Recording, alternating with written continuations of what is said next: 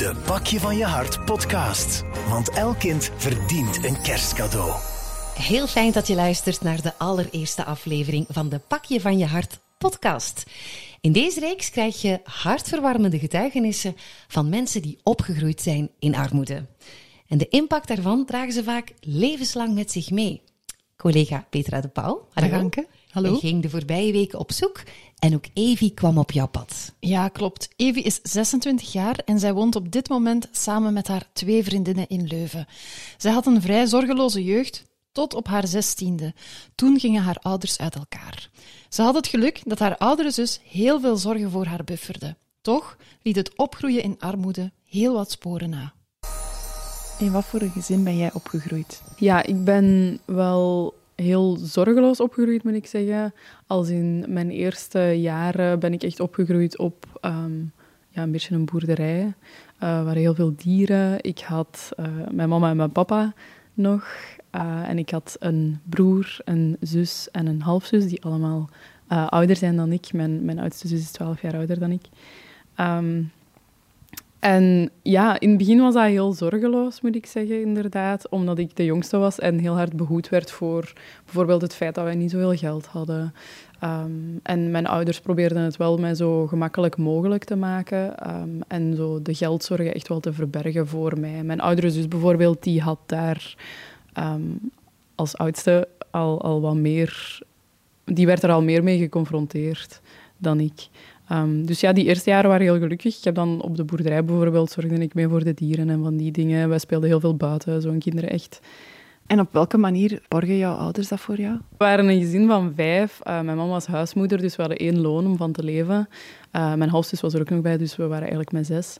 En dat was... Um, dat werd verborgen op een manier als in bijvoorbeeld... Wij hadden een rechtszaak uh, met stedenbouw. Dus mijn ouders waren heel hard daarmee bezig. Maar ik wist daar pas van toen ik 16 was, uh, denk ik. Dus daar gingen voor hen ook heel veel geldzorgen uiteraard aan verbonden, want zo'n rechtszaak is super duur. Um, en ja, ik had niet echt door dat ik bijvoorbeeld niet alles kon doen wat andere kinderen wel deden. Zo op vakantie gaan, um, nieuwe kleren veel kopen. Mijn mama lette op alles heel, heel fel, maar ze probeerde wel te zorgen dat ik dat niet door had.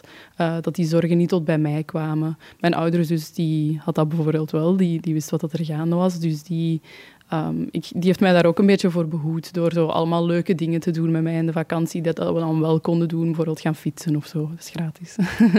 uh, zulke dingen. Dus bij mij heeft dat heel hard niet opgevallen hoe hard dat al wel in mijn mama haar hoofd zat om rond te komen, om toch te zorgen dat ik leuke kleren had.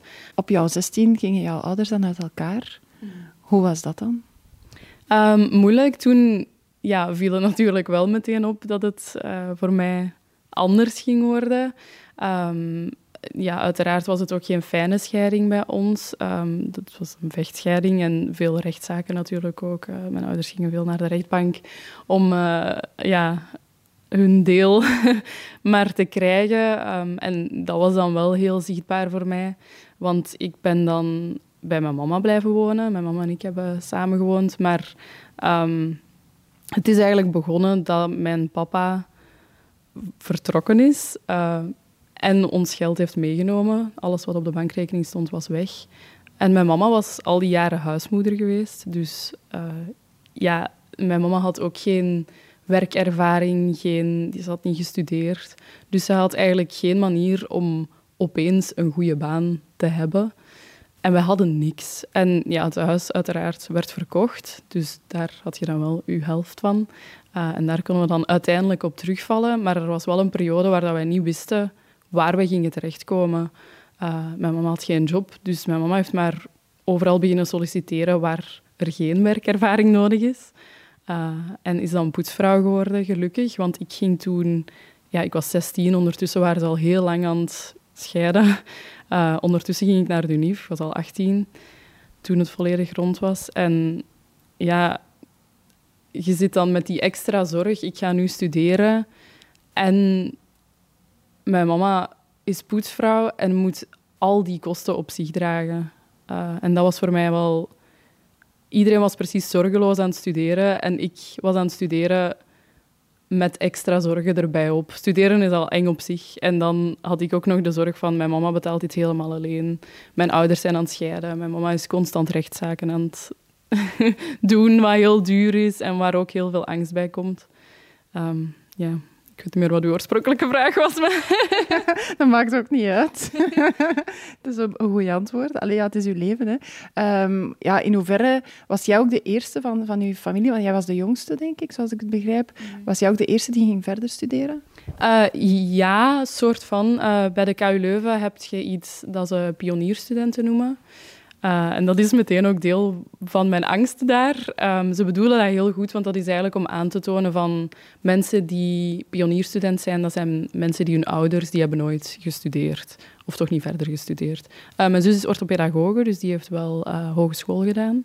Maar dat was een heel andere ervaring, want ik wou taal en letterkunde studeren aan de UNIF. Um, en ik had ja, een mama die poetsvrouw was en een papa die voor loodgieter had gestudeerd. Dus een heel andere wereld. Um, die hebben mij nooit daar echt kunnen in helpen, wat ook niet hun fout is. Maar ik wou iets helemaal anders doen. En dan kom je aan aan de UNIF en ze zeggen, jij bent pionierstudent. Uh, en uw slaagkansen liggen veel lager dan eender welke andere student. Um, ze zeggen iets van 30% slaagkans of zoiets. Het was toch een cijfer waar ik echt heel hard van schrok. En uh, ik kwam mijn eerste dag UNIF kwam ik aan en ze zeiden meteen: Je hebt weinig slaagkansen omdat uw ouders geen UNIF hebben gedaan. En ik kwam allemaal mensen tegen wiens ouders professor waren. Allemaal mensen die daar super bekend mee waren met die wereld. Um, ik weet nog, mijn eerste dag kwam ik een meisje tegen die nu een heel goede vriendin is van mij. En die vroeg meteen uh, of dat ik naar het eerste feestje van de faculteit ging komen. En ik zei, ja, nee, ik, ik kan niet gaan, want ik heb geen kot. En mijn mama kan mij niet brengen die dag. En toen vroeg die meteen, en uw papa? En ik, ik had op dat punt geen papa meer. Uh, dus dat kwam zo hard binnen. En dan hoort je nog eens, ah, je hebt heel lage slaagkansen hier. En ik voelde mij meteen zo anders. Uh, dat ik naar huis ben gegaan en tegen mama heb gezegd, mama, ik wil nooit meer teruggaan. Na die eerste dag al. Ik voelde mij alsof dat ik... Dat er niemand daar was zoals ik. En dat ik sowieso ging falen daar. Ja, en de, de KU Leuven bedoelt dat heel goed, want ze willen nu aantonen van, kijk, werk ervoor, want je hebt lagere slaagkansen. Maar voor mij kwam dat echt binnen als, jij bent anders en je gaat niet slagen. En daarbovenop kwamen dan nog eens die geldzorgen uh, die ik had, omdat ja, mijn mama niet zoveel verdiende. Dus ik, had, ik begon unief met heel veel angst. Hoe ben je dan uit die angst geraakt? Goh, niet moet ik zeggen. Ik heb echt door de geworsteld. Uh, ja, um, ik heb wel geprobeerd om bijvoorbeeld uh, gebruik te maken van uh, psychologen aan UNIF, maar dat is dan helemaal niet goed gekomen en dat kost ook heel veel geld. dus ik, gewoon op mijn eentje um, daarmee geworsteld en het minder goed gedaan dan mijn vrienden die, die wel een soort achtergrond en een uh, ja, een systeem hadden van mensen die, die achter hen stonden. Uh, en die dan ook die UNIF-ervaring hadden om, om hen daarmee te helpen. Um, maar ja, ik had ook wel... Ook al kon mijn mama geen input geven van Evie, je moet het zo en zo aanpakken, of Evie, studiepunten, dat is dit en dit. ik moest dat allemaal zelf uitzoeken. Maar ik had nog altijd wel mijn mama die heel hard voor mij heeft geknokt. Allee, die heeft heel hard gewerkt, ervoor gezorgd dat ik toch mijn boeken kon kopen, dat ik uh, uiteindelijk zelfs ook op kot ben gegaan. De KU Leuven heeft daar uh, een heel goed systeem voor, voor mensen die minder verdienen. Dus daar heb ik allemaal gebruik van gemaakt en zo is het uh, ja, dan toch gelukt. maar niet met die ja, zoveel extra zorgen bijvoorbeeld, omdat mijn papa um, ja, met die vechtscheiding werd alles een beetje in twijfel getrokken. Dus normaal moet hij de helft van mijn boeken betalen, de helft van mijn trein betalen, de helft van mijn kot betalen, maar dat is allemaal nooit gebeurd. Um, mijn mama heeft dat allemaal zelf moeten betalen. Het werd allemaal in twijfel getrokken of dat het wel nodig was. Um, en ja, dat is moeilijk. Dat is extra angst. Uh, terwijl ik al een angstig persoon was, al heel veel stress had. Um, maar ja, knokken en ja, mijn mama die, die heel veel heeft voor mij opgeofferd eigenlijk. Jij bent de jongste thuis. Heb je ook dan hulp gehad van, van je oudere broer en zussen? Ja, mijn zus is wel echt um, de persoon waar ik op kan vertrouwen. Hè. Als je uit een situatie komt waar je gezin niet per se heel hecht is. Ehm, er zijn veel momenten geweest dat, ik, ja, dat er een band verbroken is in ons gezin, in onze familie. Um, wij, hebben, hebben geen familiefeest. Ik heb geen grote familie waar dat iedereen samenkomt en waar dat je echt weet van ik heb een systeem achter mij waar ik op kan rekenen. Maar voor mij, mijn zus is er altijd voor mij geweest. Um, ook als kind bijvoorbeeld. Ik, had, ik was een heel melancholisch, triest kind. Maar ik had dat pas heel laat door, omdat mijn zus wel zo een beetje een springend veld is die dan met mij leuke dingen deed. Uh, en mij daar zo wat voor behoede voor die gevoelens. En, en dat heb ik nog altijd. Zo, het is heel fijn om een zekerheid te hebben. En ik denk dat veel mensen dat bijvoorbeeld vinden in een ouderpaar hebben, een sterk ouderpaar hebben, of een papa die altijd achter u staat. Uh, maar als er zoveel onzekerheid is in uw familie, dan is dat, dat wordt een beetje deel van uw, uw persoonlijkheid. is zo, je vertrouwt niet iedereen. Uh, ja, en mijn zus, weet ik, die gaat er altijd voor mij zijn. Dat maakt niet uit wat ik doe, maakt niet uit, niet uit wat er gebeurt. Mijn zus is mijn, mijn systeem eigenlijk. Uh, en zo leert je wel op bepaalde mensen toch steunen. Heeft zij ook gemotiveerd om dan toch die studie aan, aan te vangen op de universiteit? Um, mijn zus heeft wel altijd zo heel expliciet in mij geloofd. En, en dat is zo iets wat dat ik ook niet van iedereen heb gekregen. Um, ja, mijn mama bijvoorbeeld, die natuurlijk geloofde die in mij, maar die stond daar zo ver vanaf dat dat zoiets is van, ja, maar mama, wat weet jij er eigenlijk van? Zo, wat weet jij eigenlijk van taal en letterkunde? Het is zo moeilijk en je gaat het nooit begrijpen. Zo voelt dat een beetje. Um, maar mijn zus is echt een hele goede luisteraar daarin en die heeft mij wel echt gesteund, ja.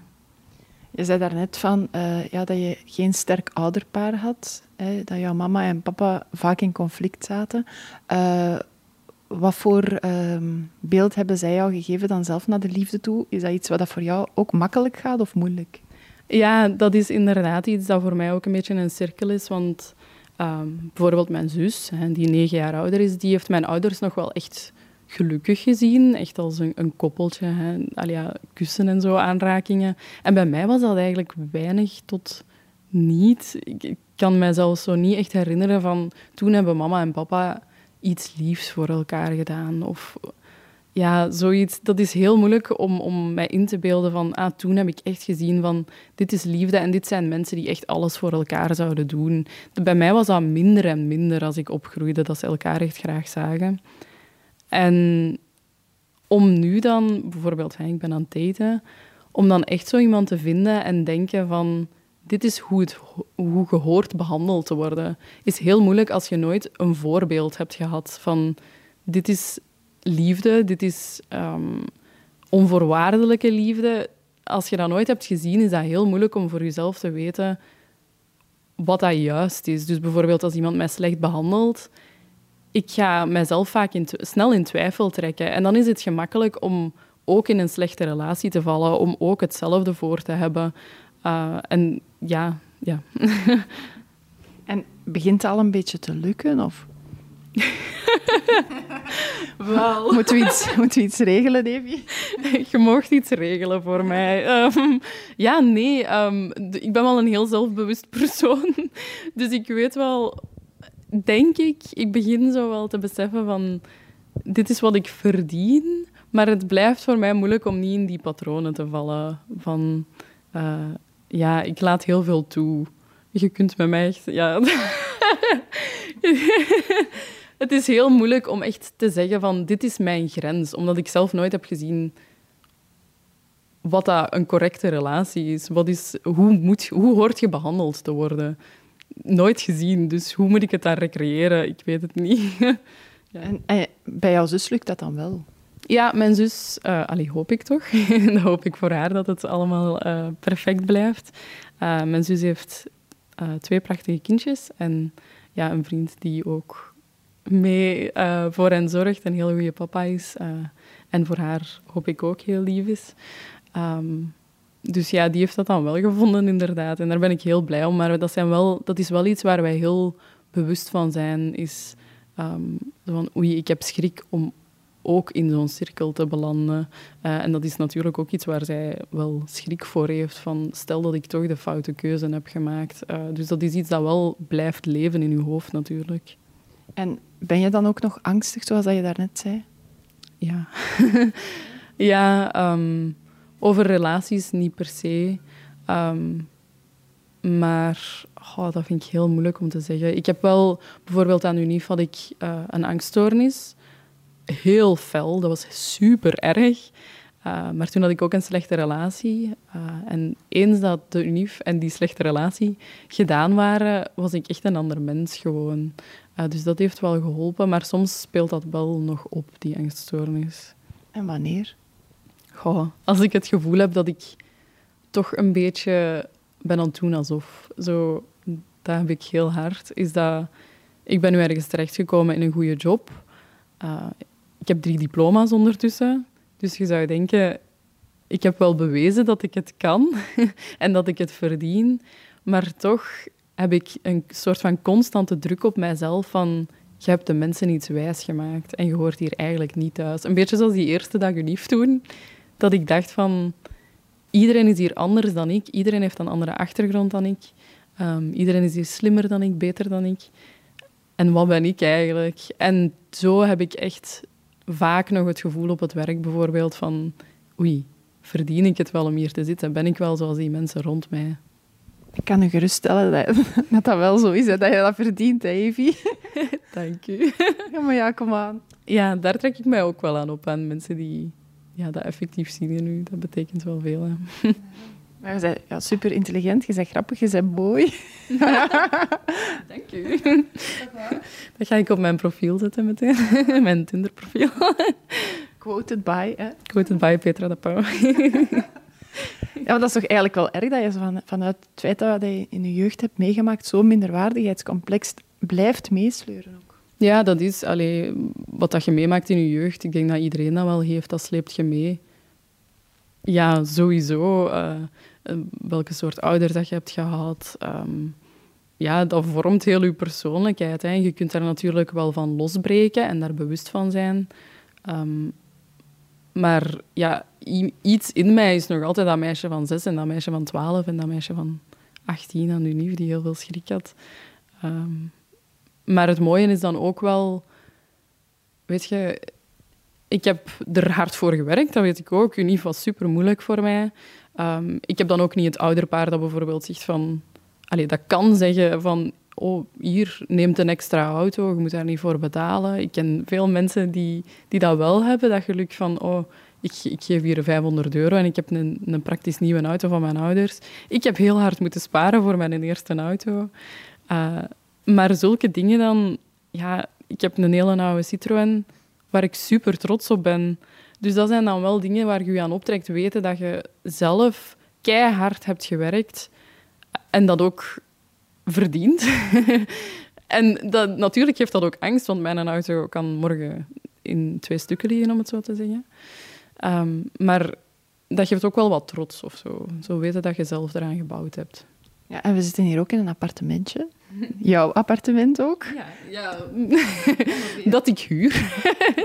ja, dat is inderdaad. Um, ik denk dat dat iets is dat veel mensen bijvoorbeeld ook dan um, vanzelfsprekend vinden. Ik ga alleen wonen en hè, als het misgaat en ik kan niet meer betalen, misschien dat de ouders dan in het begin nog wat geld bijgeven.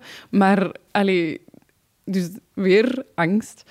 Maar ook, ik, dat is iets wat ik zo hard waardeer, gewoon om hier te kunnen zitten met twee vriendinnen.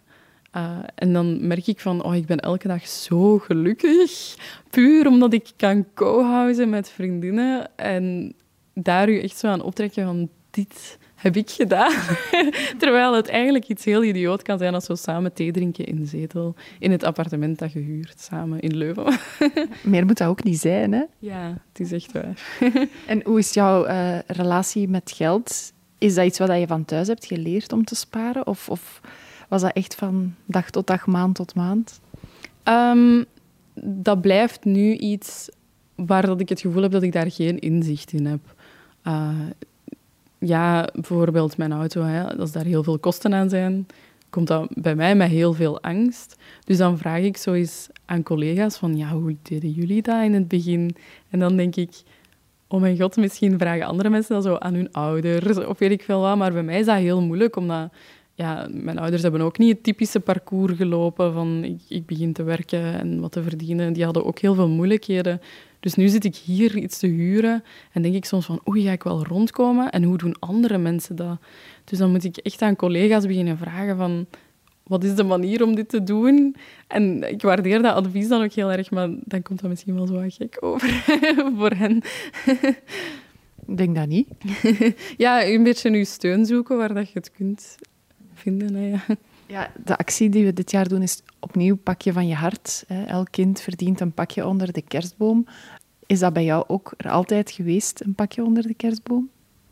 Um, dat wel, ja. Um, ik moet zeggen, mijn oma bijvoorbeeld, um, toen die nog leefde, want mijn oma is redelijk jong gestorven, ik was toen zeven, uh, dat was nog echt zo kerst hoe het hoorde te zijn voor mij, omdat ik toen ook zo zorgeloos was. En mijn oma kwam dan altijd af met de grootste zak cadeautjes dat je kunt inbeelden. Ja, ik kan het uitbeelden nu, maar dat wordt uiteraard niet. Heel veel, heel groot. was in het begin groter dan ik, alleszins. En ze deed heel hard haar best om dan... Want mijn, mijn oma had echt niet veel geld, had heel veel slechte relaties gehad ook. uiteindelijk was ze ook heel ziek geworden. Uh, maar die deed heel hard haar best om doorheen het jaar toch van alles te kopen in de solden um, voor dingen uit te kijken. Dus wij kregen altijd heel veel in mijn ogen van mijn oma. En dat was echt kerst, hoe dat ik, hoe dat ik het mij echt heel gelukkig herinner. Uh, met, een, met een grote familie ook nog toen. Dus een beetje hoe dat het ja, hoort te zijn. En nu, ja, ik kan niet spreken over kerst dit jaar, want dat gaat misschien wel met mijn huisgenootjes zijn en ook hun familie erbij. Uh, maar het is wel altijd kleiner en kleiner geworden. En nu vind ik het bijvoorbeeld heel fijn om dat ook voor mijn nichtjes te doen. Zo die oma met de grote zak te zijn, maar dan de tante met de grote zak te zijn. Dus dan kom ik af met een hele grote zak waar ik echt mijn best voor heb gedaan. En ja, dat vind ik wel fantastisch. Oké, okay, Evie. Amai, zo mooi. ik voel kerstmis zo al hier in huis hangen, ook al staat er nu nog geen kerstboom. Maar... ja, alleen Halloween-versiering. ben jij ook iemand die spaart? Ja, ook heel moeilijk voor mij, omdat ik... Want nu verdien ik wel geld. Allee, ja, het begint zo binnen te komen als uh, beginnend werkend persoon. Uh, en ik kan heel moeilijk inschatten zo, wat ik daarmee moet doen. Uh, zo van, wat moet ik sparen? wat is voor de huur? Hoeveel moet je houden voor als er iets misgaat? Dus dat gaat wel gepaard met angst. En aan de andere kant is het moeilijk voor mij om het niet uit te geven aan dingen die ik al lang wil, bijvoorbeeld. Dus ja, moeilijk, moeilijke relatie wel. Ehm, Wat is zoiets waar je echt van droomt?